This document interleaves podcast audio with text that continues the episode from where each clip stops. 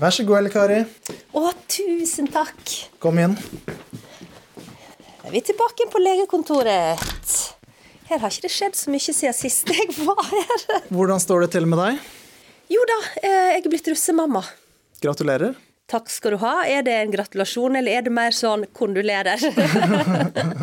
Skru av! Skru av! Jeg trenger faen ikke droppe, jeg.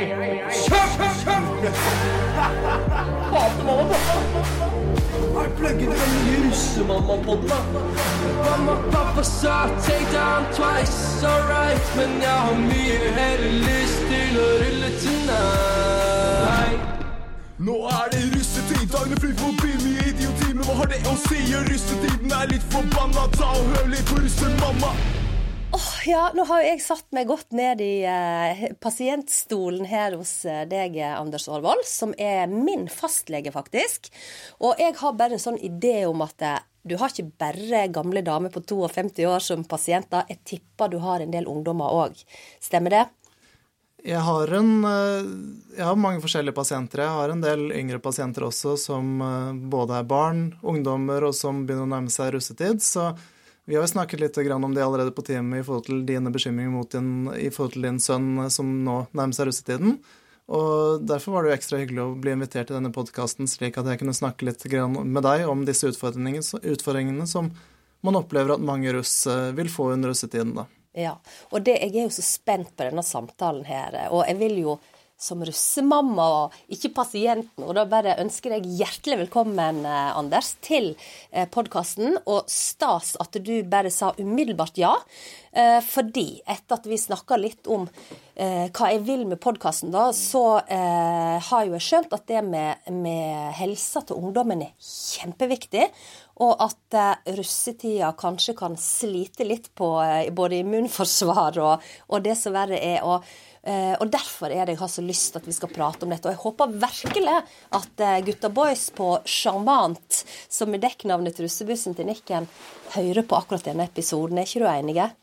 Jeg håper at de lytter innom ja, og hva, hører litt på hva vi har å si. Jeg har forstått at du har hatt flere podkaster allerede hvor man har diskutert dette temaet, og så kan jeg komme med noen innspill som jeg syns er viktig for forhold til russehelse. Eh, Håper at de hører på det. Og så er generelt sett eh, viktig når man er russ å ha det gøy, men kanskje tenke litt forebygging under den perioden, så, så man får en veldig fin tid. Man får den kun én gang i livet sitt, og det, da tenker jeg at, eh, at eh, det er veldig viktig, da. Mm. Og jeg har jo flere spørsmål på blokka om utfordringer og sånn, men la oss begynne med den generelle helsa til ungdommen. Altså, og i ungdom så er det jo òg russegjengen som gruppe, men den generelle helsa til norsk ungdom, er de flinke til å ta vare på helsa si når de er 17-18-19 år gamle? Det syns jeg veldig mange generelt sett er, ja. Noen kan jo til og med tenkes å være litt for flinke til å ta vare på helsen sin. Eh, Og med det mener jeg det at eh, man fokuserer såpass mye på det at det igjen kan eh, bli litt sykelig. Så det tenker jeg også er en viktig ting å få fram i en sånn diskusjon, at, eh, at man skal tenke på helsen sin, men man skal samtidig gjøre det som faller seg naturlig i forhold til å, å, å ikke tenke seg sykt da, på den måten, hvis du forstår. Eh, samtidig så er, det jo, så er det jo veldig varierende. Noen, noen tenker masse på det, andre tenker veldig lite på det. Så, så jeg prøver, prøver i hvert fall når jeg snakker med mine pasienter på timer, å, å fremheve litt den gylne middelvei. da. At man eh, tar gode valg for seg selv, men samtidig hva skal vi si, har det litt gøy og, og nyter den perioden av livet som er veldig meningsfylt, da, rett og slett. Så, så, men jeg opplever at de aller fleste ungdommer tar godt vare på helsen sin når de er her hos meg. Det gjør jeg. Åh, Det ble jeg veldig glad for å høre. Og mens du prata, så datt det plutselig inn i hodet mitt. Eh, er ungdommene ofte til legen, og snakker du med dem på en annen måte enn du gjør med meg som er ei voksen dame? Det er eh, veldig varierende, egentlig. En del ungdommer ser jeg ganske ofte, både fordi de ønsker å drøfte bekymringer, utfordringer og har en del helseplager. Andre ungdommer ser jeg lite. Så jeg er jo litt opptatt av å få litt tak i de som jeg ikke ser så veldig ofte, og få de inn på teamet, sånn at vi kan ta en diskusjon på det, høre om det er noe som, noe som plager dem, eller noe som de er bekymret, eh, for. Eh, og når man da lykkes med, med å på en måte få kontakt med de, at de kommer til deg, så så er det slik at det ofte danner grunnlag for en videre relasjon, da, hvor man på en måte kan møtes flere ganger og ta opp viktige temaer i deres liv. Eh, og så må man jo, tenker jeg, spørre da, disse ungdommene når de kommer på teamet om hvilke bekymringer de, de sitter ved. For det er ikke noe som alle på en måte spontant eh, uttrykker når de kommer. Eh, spør man, så får man ofte gode svar i forhold til det de, det de bekymrer seg eh, for. Eh, og så er det selvfølgelig litt andre problemstillinger som eh, ungdommer tar opp, kontra voksne personer, som vil det alltid, som vil det alltid være. Så proaktiv, det å være litt mer proaktiv i forhold til å spørre de, er viktig hos denne pasientgruppen, opplever jeg da. Å få, å få tak i de og få de til å komme på team og snakke litt om forebygging i forhold til ulike problemstillinger som man ser eh også kan være relevant i, i russetiden. Da. Mm. Men sånn som kosthold, eksempel. Mm. Eh, jeg, jeg bare sånn snakker av både egen erfaring og, og, gjerne litt med nikken. Han tåler det at jeg sier at han vil nå heller ha et burgermåltid enn å ete seg en eh, salat som er eh, sammensatt ut ifra hva faktisk kroppen trenger. Mm. Opplever du at uh, ungdommene tenker kosthold, eller er det mer det at de tenker at de er redde for å bli syke, eller altså skjønner de greia med det å forebygge eh, å bli dårlig eller syk, og det å ha fokus på å legge til rette for å ha, være sunn og frisk, da. Eh, nok en gang litt sånn som jeg sa i sted, veldig varierende. Noen har veldig fokus på det, andre har litt lite fokus på det. Og jeg tenker begge deler har sine utfordringer. At hvis man, eh, hvis man kanskje tenker litt mer sånn som jeg opplever at voksne mennesker tenker, at de, eh, at de gjør det som de tenker er rett, da har litt fokus på, på, det, men ikke for lite, ikke for mye, så, så tror jeg man kommer rett, lettere til målet. Så, så, jeg har litt fokus på det når jeg snakker med ungdommer i forhold til å eh, ta noen små tak istedenfor å ta de store takene innenfor kosthold. ikke sant? Hvis man er vant til å kjøpe lunsj på bensinstasjonen eller Rema 1000 hver dag, så kan det være greit å ta med seg matpakke. Eh, så hvis man, hvis man, gjør noen små grep, da, så tror jeg man har mye større sjanse for å lykkes med det enn om man skal gjøre alt, eh, alt på en gang. Eh, og det opplever jeg også når jeg har dialog med ungdommer, at det er lettere å motivere seg til å gjøre de små tingene enn de, enn de store tingene. Mm. Og så har jeg litt samtaler også med de som har veldig veldig fokus på det. Både telle kalorier, eh, sjekke næringsinnhold i mat osv. At jeg tror ikke det er det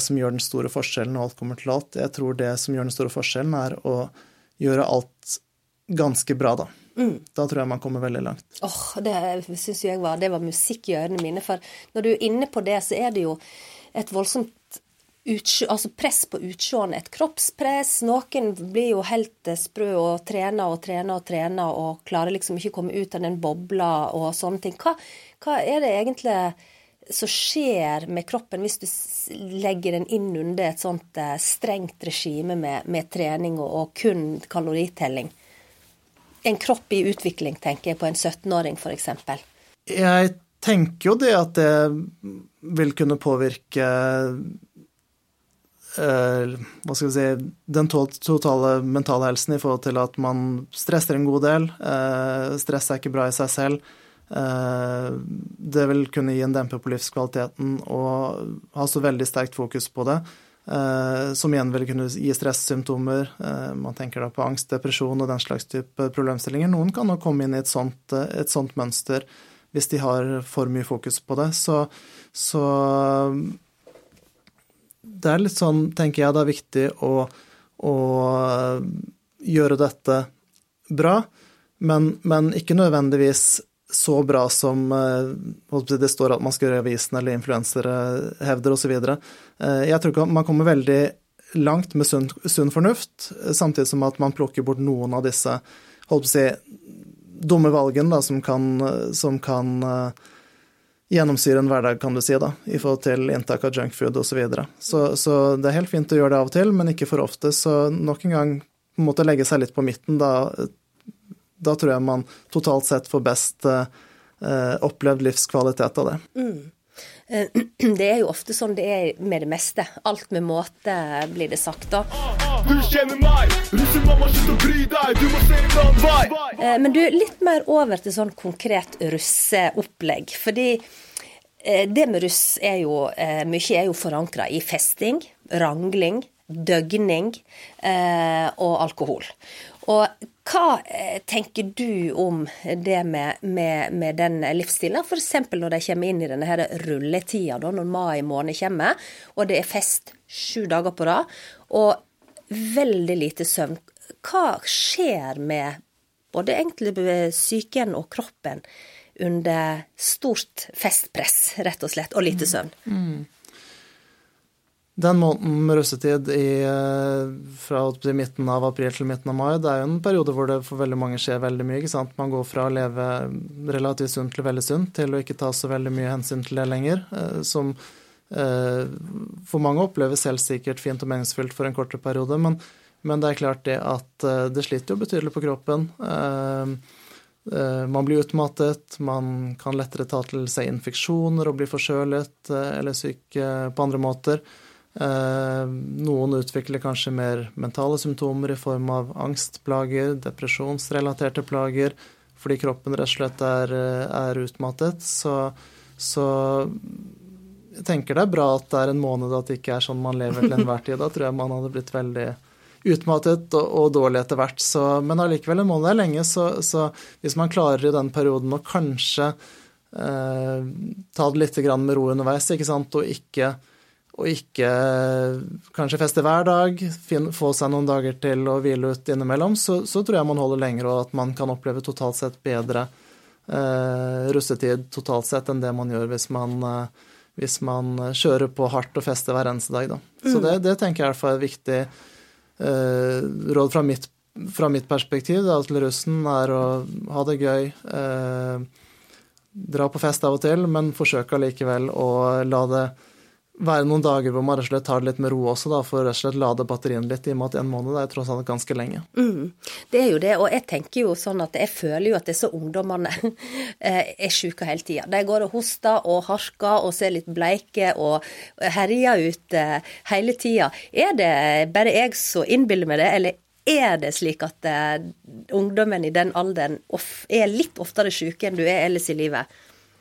Det er absolutt en del ungdommer som går og hoster og harker lenge og er bleke og slitne. Eh, jeg tror nok det har litt, eh, litt med livsstil å gjøre også, at, eh, at hvis man lever, lever, litt usunt en periode, litt mer alkohol, litt mindre trening, litt dårlig kosthold, så vil jo det i seg selv disponere for å kunne bli syk. Så, så men jeg er vel usikker, sånn, usikker, på om det totalt sett i gruppen er slik at, at ungdommer nødvendigvis er mer syke enn en andre deler av befolkningen. Eh, kanskje de er litt dårligere til å lytte til signalene og gjøre noe med det når de først blir det. Jeg sier kanskje, det er ikke sikkert, men kanskje. Så, så jeg tror man raskere hadde kommet ut av en sånn sykdomsperiode dersom man eh, lyttet til kroppen, gjorde noe med det så fort som mulig og valgte å ta det med ro noen dager for å bli raskest mulig frisk. da. Men eh, Anders, hvordan kan de forebygge dette? Altså, kan en forebygge at helsa er litt sterkere idet du går inn i denne festtida i russetida? Går det an, liksom? Hvis man har levd litt uh, mer sunt, hvis man kan si det på den måten, i, i ukene og månedene før russetiden, spist uh, sunt, uh, fått trimmet litt sovet godt nok, så vil man jo være mer restituert idet man går inn, inn, i en sånn periode og tåle mer før man kommer dit. Så, så det, vil ha, det, vil jo være forebygging i seg selv, at man, at man ikke er sliten da, når, den perioden, når den perioden starter. Mm. Men du, sliten er jo da et ord som jeg hører ofte. ah, 'Jeg er så sliten, jeg er så sliten', og det er ikke måte på. Men men det der med eh, Nå er det jo litt sånn her i Norge at den russetida kommer på en veldig dum plass i forhold til eksamen. Eh, og de skal jo gjerne på skolen, og de er utmatta og har festa og holdt på, og så skal de kanskje ha en matteprøve plutselig midt oppi dette her.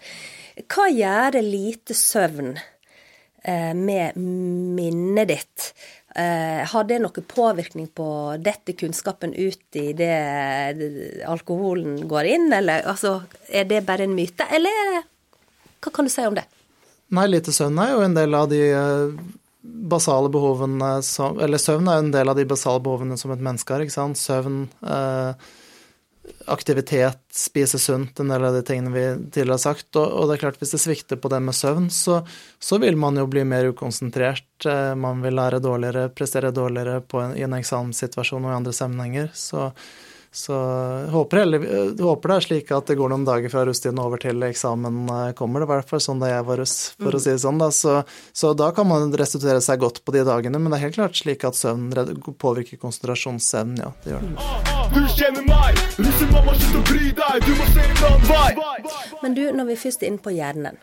Hjernehinnebetennelse. Det er jo et ord en frykter. Eh, at når mye russ er samla, så er det Jeg føler alltid det er et eller annet oppslag om en eller annen som har fått hjernehinnebetennelse. Her i høst så tror jeg det var et oppslag igjen om at eh, ei russegruppe hadde vært på fyllefesttur til Syden, og så var det da eh, ett tilfelle med hjernehinnebetennelse. Kan ikke du fortelle litt, hva er det som gjør at russen og, og den gjengen Det er alltid et eller annet sånt hjernehinnebetennelsetilfelle, da? Nei, først og fremst så, så, er jo kroppen mer utmattet gjennom den perioden man går igjennom pga. de ulike, ulike faktorene som vi har snakket om tidligere. Og da vil man igjen lettere tilta seg sykdom, lettere bli smittet. Eh, og hjernehinnebetennelse smitter jo gjennom dråpesmitte. Eh, altså overføring av spytt, deling av flasker, eh, kyssing etc. Uh, og når man da i utgangspunktet er sårbar, mer utmattet, så er det jo større sjanse for å bli syk dersom man blir smittet, rett og slett. Mm. Så er det jo heldigvis eh, slik at de fleste som kommer i kontakt med bakterier som gir smittsom hjernehinnebetennelse, blir jo ikke syke. Uh, men de som blir syke, kan bli veldig, veldig syke, og det kan ende tragisk, som man har lest oppslag fra tidligere. Så det er jo nok, nok en ting som er viktig å tenke på i forhold til dette med forebygging. Sant? Å unngå å dele flasker. Uh, unngå kyssing hvis man er syk, f.eks. Uh, unngå dråpsmitte. Så, så uh, det, er det, det, er det, fokus på hvert år. Og så er det også anbefaling om å vaksinere seg mot uh, smittsom hjernebetennelse fra Folkehelseinstituttet. det vil jeg anbefale alle russ å gjøre. Eh, da må man ta to vaksiner med seks måneders mellomrom, og så må man være ferdig vaksinert eh, to uker før eh, russetiden starter, da, eller før man kan bli eksponert. Ja. Men du, hva er egentlig hjernehinnebetennelse? Hva er det som skjer, liksom? Hjernehinnebetennelse kommer jo av at man blir smittet av en bakterie som heter meningokokker. Smittes ved dråpe. Eh, og da kan jo noen bli, eh, få infeksjon i nervesystemet sitt, bli, eh, få høy feber, kramper, redusert bevissthet og bli alvorlig syke i løpet av relativt kort tid. Og det kan være livstruende. Så det som er veldig viktig hvis man, hvis man mistenker smittsom hjernehinnebetennelse, det er å ta kontakt med lege så fort som overhodet mulig. Ring 113 og søk hjelp.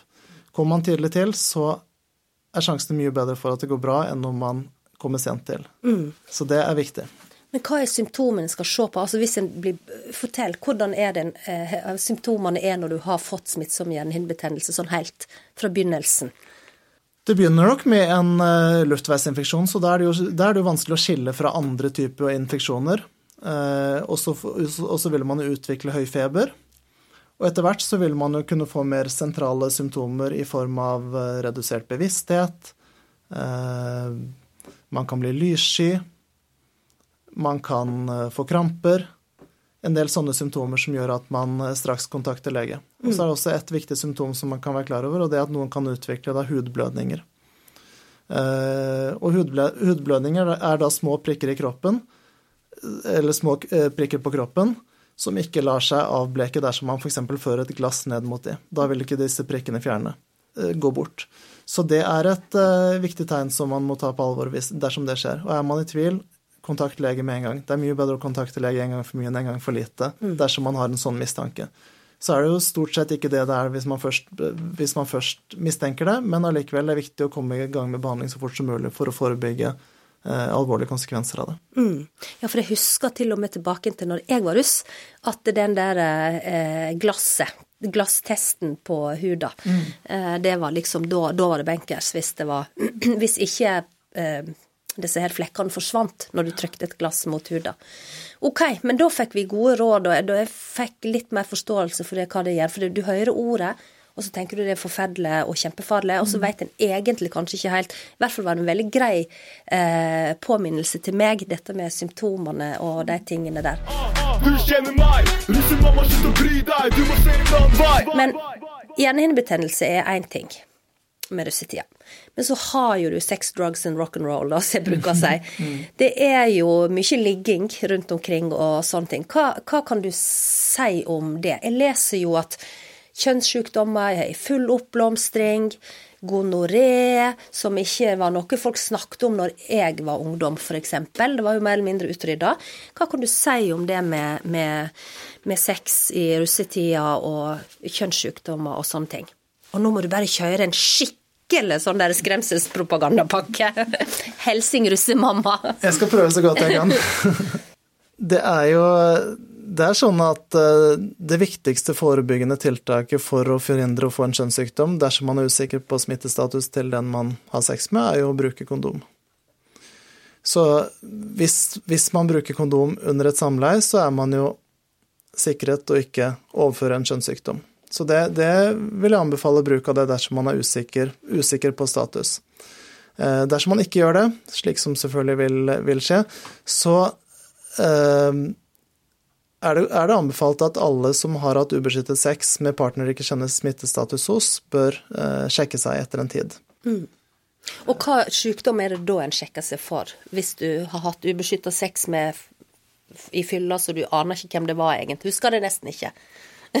ja, nei, da sjekker man seg for eh, klamydia og gonoré. Mm.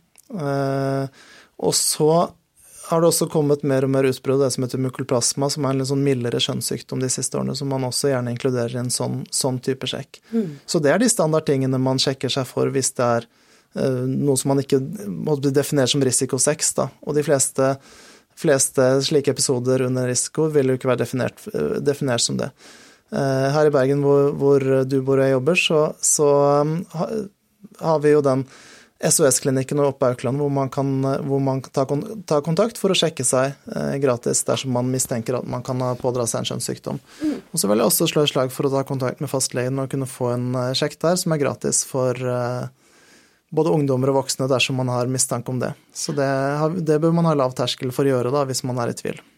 Men symptom, da. Det er jo noe med Hvis du da ikke er så smart at du går og sjekker deg etter ubeskytta sex med ukjent person, Eh, hva er symptomene på f.eks. klamydia? Der skiller vi litt mellom menn og kvinner. Eh, menn får jo ofte symptomer i form av eh, kløe og svi i urinrøret. De kan få litt irritasjon med hyppig vannlating. Så, så, menn får jo ofte symptomer som gjør at de kommer og sjekker seg, mens kvinner kan da få mindre symptomer igjen og ha en klamydiainfeksjon som gjerne ikke kan gi, gi symptomer i det hele tatt. Da. Så det at disse infeksjonene ikke alltid symptomer, og spesielt hos kvinner, er ekstra, et ekstra argument for at man skal ha lav terskel for å sjekke seg dersom man har eh, vært eksponert for et eller annet. Mm. Men eh, for de jentene, da, mm. så er det kun kløe eh, som er et symptom, eller kan det være lågt? Kan det være Altså, hva kan det Kvinner kan få mange symptomer knyttet til sin, eh, sin kjønnssykdom, hvis vi da snakker om klamydia primært, ja. da, som er den vanligste. Mm. De kan få endret utflod, de kan få svie ved vannlating. Eh, de kan få endret blødningsmønster dersom det har gått en stund. Og de kan også få i verste fall bekkeninfeksjoner, som i verste fall kan føre, føre til sterilitet. Så mm. det understreker jo da viktigheten av å få sjekket seg så fort som mulig da, dersom man ja, har en mistanke. Så bedre å sjekke seg en gang for mye enn en gang for lite, tenker jeg. Og det er gratis, gratis eh, å sjekke seg. Hører dere lyttere, det er gratis. Men eh, ja, for det, det, siste du kom med der, det var liksom skremsel når jeg var eh, 18-19. Og det var dette å, får du klamydia, kan du bli steril. Og det var liksom største frykten, da. Mm. Men hva med gonoré? Som er for meg en helt sånn, en sånn sykdom som jeg bare leste at gamle konger på 1600-tallet fikk, liksom. Men det har jo skjønt det eh, på full fart tilbake. Gonoré er på full fart tilbake. Man ser, man ser mange flere tilfeller av gonoré nå enn tidligere. Det er selvfølgelig langt mindre sjelden enn klamydia, eh, men det er på full fart tilbake. Og, og gonoré jo gjerne da typisk mer kraftige symptomer enn en uh, klamydiainfeksjon, uh, både hos kvinner og hos menn. Og gonoré er jo en av, de, en av, de, tingene man sjekker for automatisk når man tar, tar tester både fra kvinner og menn. Og det også er minst like viktig å få sjekket så fort som mulig for å bli satt i behandling, eh, sånn at man blir, man blir kvitt det eh, så fort som mulig. Mm. Men du, eh, noe annet. Munnsår. Jeg er jo en av de som, i hvert fall når jeg var ungdom, hadde hyppig svære blemmer på, på leppene. hvordan er det? For det er jo herpes. Du har en type herpes for, for, som er et munnsår, og så har du òg en herpes du kan få på kjønnsorganet. Er det slik at hvis du har et munnsår, så skal du f.eks. ikke utføre oralsex, eller du skal ikke Altså, er det veldig smittsomt? For det er jo et virus, er det ikke? Fortell litt om eh, munnsår og herpes. Det er helt riktig at munnsår eh, ofte skyldes herpesvirus, og at man kan ta prøve på det å få påvist det. Og da kan man få smitte fra munn til kjønnsorgan ved oralsex. Det er absolutt, absolutt fullt mulig. Og da spesielt mens man har et aktivt utbrudd av et, av et uh, munnsår. Så, så, kan det være sånn. Det kan for øvrig gå motsatt vei også. Uh, så hvis man har et aktivt munnsår, så, så, bør være, så, bør man la det være, kan du si, da. Uh, ja. ja, for også det, bare tenker jeg Ser en et vakkert vesen framfor seg, eh, ikke kyss på det hvis det er fullt i munnsåret, er det det tipset? Kast deg ikke over og klin med den med det største munnsåret, liksom. Jeg tenker det er lurt å tenke seg en ekstra gang om før man gjør det. Eh, og så er det jo sånn at hvis man har hatt, uh, hatt uh, herpesinfeksjon fra tidligere, man vet at man er smittet fra tidligere, så, så er det jo mindre sjanse for smitteoverføring enn om man aldri har hatt det før, da. Du kjenner meg! Russemamma, slutt å bry deg! Du må se en annen vei! Men du, graviditet. Her må vi snakke litt om det. Og hva skjer hvis en har vært uheldige og eh, blitt gravid eh, etter ei rotbløyte nede på landstreffet eller et eller annet sånt? Eh, hva, hva muligheter har en da, hvis en overhodet ikke har tenkt å få en baby? Første mulighet man har, er jo å ta en angrepille. Hvis det har gått en viss tid etter et ubeskyttet samleie og man ikke bruker prevensjon, så kan man jo ta en angrepille. Når eh, fristen for å ta en slik angrepille har gått ut, eh, hvis det da viser seg at man får eh, en positiv gravitetstest, som gjerne ikke skjer før det har gått rundt om, et, om ca. to uker etter en befruktning, så er eneste måten å avslutte dette på dersom man ikke ønsker å bære en baby fram, og kontakte, kontakte sykehuset for, for, å få utført en abort. Mm. Men er det fastlegen en tar kontakt med først, da, og så får en henvisning, eller hvordan er, hvordan er det? Det ble endret for ca. ti år siden. at da, Før så måtte man da ta kontakt med fastlegen og få en begjæring på at man skulle få utført en abort, men nå kan man ta kontakt direkte med, eh, direkte med sykehuset for å få utført uh, dette. Mm. Men hvor lang tid kan altså, hvor lang tid har en på seg til å angre før det er for seint og du ikke får tatt den aborten? Man må, man må uh, utføre en uh, abort innen tolv uker etter at, uh, etter at man har blitt gravid. Så innenfor, innenfor svangerskapsuke tolv så kan man utføre en, eller få utført en selvbestemt abort dersom man må gjøre dette. Og så er det også mulighet for å, for å Eh, få utført dette etter uke tolv også, men da må det inn i en nemndsbehandling hvor, hvor eh, en nemnd tar stilling til om, eh, om, dette kan utføres etterpå. Men hovedregelen er innenfor tolv uker. Mm. Ja, nei, det er om å gjøre å ikke sette seg sjøl i en sånn situasjon. Med mindre ikke det er planlagt, selvfølgelig. Da er det jo bare en glede, så klart. Du kjenner meg! Russemamma, slutt å bry deg! Du må se en annen vei! Eh, men eh, over til eh, en annen bekymring jeg har når det kommer til helsa og konkrete eh, ting som kan skje med kroppen. Disse russebussene har jo noen sjuke rekke musikkanlegg. Mm. De spiller så høy lyd. Eh, og i tidligere podkast så fikk jeg grede på at det, det, noen kan få tinnitus. Eh, og få nedsatt hørsel etter å ikke eh, passe på å ha på seg høreklokke eller sånne dotter inni ørene, holdt jeg på å si. Kan ikke du fortelle litt? Veldig bra, du, veldig bra, du, stiller dette spørsmålet, Elikari, for her finnes det en ganske enkel forebygging man kan gjøre, som jeg tror mange er kjent med. Det er rett og slett å bruke ørepropper dersom man eh, skal på en konsert med høy lyd. Det vil jeg anbefale alle som går på en uh, slik type konsert i, i, Kongeparken eller andre konserter, å gjøre det. Det er et enkelt tiltak. Man hører lyden godt, og man beskytter ørene sine. For det er jo slik at hvis man blir eksponert for veldig høy lyd, sånn som man blir mm, nesten uunngåelig gjennom en russetid, på godt og vondt, så, så kan de gi risiko for akutt uh, hørselspåvirkning med akutt innsettende tinnitus og støyskade som kan dukke opp senere i livet.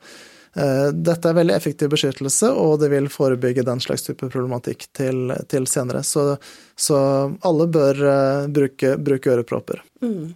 Ja, det var godt. Jeg har jo hørt at noen har jo både ørepropper og høreklokke på seg inni bussene, da, for det, mm. der er det jo helt sjukt. Men tinnitus, hva, forklar, hvordan utarter det seg når du får tinnitus? Tinnitus kommer jo typisk etter en støyskade, at man har vært eksponert for veldig høy lyd over tid, rett og slett. Da. Og kanskje ikke over så lang tid heller, kanskje bare én konsert en kveld. Eh, hvor man da ganske kort tid etterpå eh, utvikler eh, pipelyder, susing fra øret, som ikke vil gå bort. Og Da kan man gjøre en undersøkelse av ørene, ørene hvor alt er normalt, men hvor man allikevel går med denne pipelyden som man selv kjenner og oppfatter, som kan være svært plagsomt, naturlig nok. Så det kan jo også påvirke søvnmønster. Man, man kan, slite med å få sove etterpå. Man kan gå og være plaget det, med det lenge, lenge etterpå. Så da er det jo et, som sagt til et enkelt forebyggende tiltak å rett og slett ta og, og bruke ørepropper, da. Som jeg tror for de fleste vil gi en fullt så god konsertopplevelse. Mm. Så bra. Det var kjekt å høre at det faktisk går an å forebygge det. Um, men du, det der med musikken inn på bussene. Uh, de har jo en sånn enorm eh, kraftig bass. Eh, at jeg har hørt og plukka opp, og nå plukker jo jeg opp alltid det verste, da, men at du kan få hjerterytmen ut av rytme pga. for mye bassspilling. Eh, hva betyr egentlig det, hvis hjertet ditt kommer ut av rytme? Er det bare eh, ei myte, eller er det noe i det? Ja, nå er det første gang jeg hører om det når du sier til meg, så det er ja. faktisk ikke så veldig godt kjent med Elle Kari. Eh, så det var, det var, nytt for meg. Eh, hjerterytmene ut av rytme betyr jo at hjertet går fra å pumpe regelmessig dunk, dunk, dunk, til å på en måte pumpe mer uregelmessig, ikke sant. Eh, eh, og det kan jo være mange årsaker til at det skjer, ikke sant. Dette, det kan jo skje ved heftig alkoholinntak, lite søvn, slitenhet, en del sånne faktorer, da, gjerne litt senere i livet enn en, eh, hos russ, men mm. også mulig i ung alder. Men at det kan skje ved, ved bruk av bass i russbuss, det, det, er nytt for meg. Det ja, kan godt være, men jeg kjenner ikke til det. Ikke, nei, jeg har det kun fra meget usikre russekilder. så ikke fra leger, altså. Men OK, det var noe sånn beroligende at du har i hvert fall ikke hørt om det, at det har skjedd. Men, men eh, det å få litt harehjerte, som folk sier, gjerne på dagen derpå, sånn bringer meg jo over til fyllesyke. Mm. Hva er det som skjer i kroppen når en er skikkelig fyllesyk. Når man er skikkelig fyllesyk, så baserer det seg generelt på at man da naturlig nok har drukket for mye dagen, eh, dagen før, ikke sant. Og da, og da, vil jo alkohol brytes ned i kroppen og eh, gi opp, opphopning av, av, en del giftstoffer, som da gir den typiske fyllesyken med kvalme, trøtthet, eh, eh fylleangst, nerver eh, osv. Hva er lurt å gjøre da? Det som er lurt å gjøre, er å begynne å tenke allerede på dette før man inntar alkohol. ja, tror du det skjer på russebussen? Liksom? Å, nå må jeg tenke på fyllesyken. Jeg tror ikke så mange tenker det. Veldig usikker. Eh, men hvis, klart, hvis man da kanskje har drukket litt godt med vann på forhånd, spist et godt måltid, sånn, så vil man jo tolerere alkoholens virkning på en bedre måte. og kanskje blir mindre fyllesyk enn om man måte går rett på en runde uten å ha gjort det på forhånd. Mm. Så den forebyggingen er jo på en måte grei å tenke på i utgangspunktet. Ja. Eh, ellers så er det jo klart, Hvis man klarer å drikke litt vann da, mens man inntar alkohol eh, underveis, så vil jo det være god forebygging. Eh, ikke blande med andre rusmidler vil jo også være veldig fornuftig, for det kan jo øke effekten av alkohol ytterligere og føre til et ytterligere stort eh, alkoholinntak og derpå bivirkninger dagen derpå både av alkohol og den eventuelle substansen man skulle innta. Eh, så det finnes mange forskjellige forebyggende tiltak man kan gjøre for, for å unngå dette. Og så er det selvfølgelig det å stoppe i tide, at man ikke drikker så, vel, drikker så, mye at man på en måte får en ekstra dårlig dag dagen derpå. Mm. Men du, eh, sånn alkohol promillemessig, jeg har jo sett skrekkhistorier hvor uh, ungdom har blitt uh, kjørt i ambulanse og rett på pumping. Fortell litt om hva det er. Hva er egentlig det pumpingen, og, og, og, hvor full må du liksom være for at det er det som er redningen, på et vis? For det første så er dette med promille veldig individuelt, ikke sant? og det har jo litt med toleranse også. De som har god toleranse for alkohol, vil jo kunne tåle en høyere promille enn de som har lav toleranse uh, når de drikker alkohol. Det som skjer når man å si, må få helsehjelp i forhold til et for stort alkoholinntak, er jo da at man eh, mister sin bevissthet. Eh, man får da hjelp for noen, fordi noen er flinke å varsle, slik som man for øvrig burde gjøre hvis man har noen som man eh, mistenker at sliter med å ta vare på seg selv, hvor man da kommer til en legevakt som undersøker en og ser om man da trenger videre tiltak for å overvåke bevisstheten, eller om man kommer til seg selv igjen. Og ytterste konsekvens, eh, det man kalte pumping i, i gamle dager, skal ikke kalle det, det for fortsatt, det betyr da det, betyr jo det at man da eh, tømmer magesekken for eh, innhold, da, sånn at man skal unngå videre alkoholopptak. Og ytterste konsekvens også tilføre kull som skal fange opp alkoholen og føre til at promillen ikke går videre opp. da. Brukes nok ikke så mye, men, men, av og til dersom det kan være eh, mulighet for at det kan hjelpe. Ja, for vi har jo hørt om alkoholforgiftning. Er det, hvis du blir alkoholforgifta, er vi da i ei faresone der du rett og slett kan miste livet, eller hvordan er det? Alkohol er jo sånn som andre rusmidler en substans som er giftig. altså Det finnes jo dødelige doser alkohol dersom man inntar for mye, og den, og den, toleransen er jo forskjellig fra person til person. Noen tåler veldig mye før noe sånt inntreffer, andre tåler mindre. Uh, og forgiftning er jo da igjen en alkoholoverdose, hvor man da på en måte mister sin bevissthet fordi man har drukket så mye at man ikke evner å ta vare på seg selv. Og, og så er det ulike grader av bevissthetstap, bevissthetstap fra lett tap av bevissthet til mer alvorlig grad, og ytterste konsekvens at man kan dø av det hvis man ikke får hjelp i, i tide. Mm. Så nok en gang utrolig viktig å ta kontakt med helsepersonell dersom man uh, tenker at noen er i fare for å utvikle dette eller eh, taper sin bevissthet. Mm. Det fins jo helsepersonell på disse forskjellige russetreffene som eh, hjelper eh, så fort eh, som, som, det er behov, da, hvis det skulle inntreffe en akutt situasjon. Mm. Men du, eh, det var alkoholen. Men eh, motedopet, som jeg har snappa opp, da, det er jo kokain. Det florerer jo med kokain i alle mulige miljøer, da. Hva er det kokain gjøre med, med, med, med hjernen eller med hodet ditt, eller altså hvordan er det sånn biokjemisk? Hva er det som skjer med et sånt rusmiddel, og hvor farlig er det? Kokain gir en ganske raskt inntreffende effekt eh, etter at man eh, som oftest har sniffet det, innen en halvtimes tid. Og da får man jo en kraftig eufori. Eh, man blir aktivert, får en lykkefølelse, føler at man er kongen på festen osv. Eh, og så varer det jo ikke så veldig lenge før det går ut av kroppen igjen. Eh, mange får litt drive til å drikke mer alkohol også når de inntar kokain. Rett og slett for kokain reduserer litt effekten av alkohol, som fører til at man gjerne kan drikke mer og bli, påfall, bli mer beruset etter at kokain går ut av kroppen igjen. Mm. Så kokain er jo farlig på flere, på flere måter. Det er farlig på den måten at uh, at det gir fare for at man drikker mye mer alkohol når man inntar det. Og så er det jo, er det jo et stoff som gir en del bivirkninger etter eh, et inntak, rett og slett. Mange føler seg deppet, eh, angstfylt og, så, og, sånn dagen derpå etter at de har eh, hatt et slikt inntak. Mm. Ja, for det, jeg har jo hørt at eh, kokain det er noe du veldig fort blir avhengig av. At det er ekstremt vanedannende. Er det fordi at nedturen er så kjip etter at du har vært kongen på festen? Det gir veldig kraftige nedturer, som du sier, og, og, mange utvikler da rett og slett ganske betydelig angst etter et inntak, hvor da litt medisinen for å komme ut av, den, ut av den situasjonen og føle seg bra igjen, da kan være et nytt inntak eh, etterpå. Så det er en av grunnene til at kokain er såpass vanedannende at det gir de der kraftige nedturene i ettertid. Så det er en sånn, et sånt varselstegn ved det stoffet som er ganske farlig og ubehagelig. Mm. Oh, jeg bare sier til alle som lytter, altså tenker på ved å prøve seg på kokain. Just don't do it, sier bare jeg også. Og dessuten så er det jo ikke lov. Det er jo straffbart med narkotika her i landet. Mm. Eh, Anders, jeg har fått svar på veldig masse. Eh, har du noe på hjertet du har lyst til å si, gi et tips om eller en oppfordring til russen?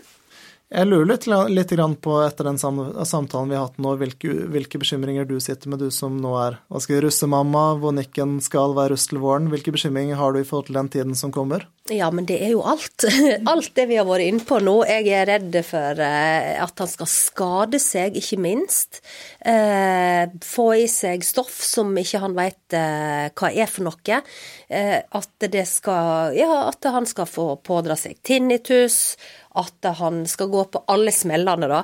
Eh, og når det kommer til helsa, så er det jo aller mest det jeg er redd for, det er det at han skal få en skade som vil påvirke resten av livet hans. Eh, fordi mye rart kan jo skje i fylla. En finner jo på mye tull. Hopping og spretting og eh, backflips og frontflips, og, og så knakk du nakken, og så var livet ditt egentlig mer eller mindre ferdig. Det er jeg mest bekymra for. det er den der, mm å komme ut fra ei ulykke, da, iscenesatt av seg sjøl pga. sånne dumheter. Det er den største angsten jeg har. Det skjønner jeg veldig godt. Så da, da, er det jo på den måten at hvis man da klarer å tenke litt forebygging, snakke med ungdommene sine om det, at ungdommene lytter til podkast, sånn som det har veldig, vært veldig fornuftig å etablere nå, så, så, er det noe man kan ta med seg. Hvis man tenker ikke så mye på det, men litt på det, gjør noen små grep, så kan det ha mye å si i forhold til å vi, redusere risiko for at sånne uønskede hendelser skal, skal inntreffe. Da. Mm. Eh, og så vil jeg på en måte fremheve det også. Eh, som helsepersonell, da, at hvis man har mistanke om at det skjer noe med en selv, eller man har venner, venninner som uh, blir akutt dårlig under russetiden av ulike årsaker, vi har vært inne på rus, uh, hjernehinnebetennelse uh, osv., ta kontakt med lege med en gang. Heller en gang, en gang for mye enn en gang for lite. Ring 113 hvis, det, hvis noen blir akutt syke. Det er kjempeviktig å ta vare på hverandre, og så håper jeg at eh, de som lytter, får en kjempefin russetid og koser seg masse. Jeg er helt enig med deg, Anders. Tusen takk for at du tok deg tid her på legekontoret. Og eh, vanligvis så sitter jo jeg her og er pasient. Du stiller meg spørsmålene, og jeg svarer. Men denne gangen var det omvendt. Det var utrolig sporty og kjempekult. Tusen takk. Tusen takk for meg. Du kjenner meg, jeg er sjarmør, jeg spiller egentlig jeg dør. Du kjenner meg, russemamma, slutt å bry deg, du må se en annen vei.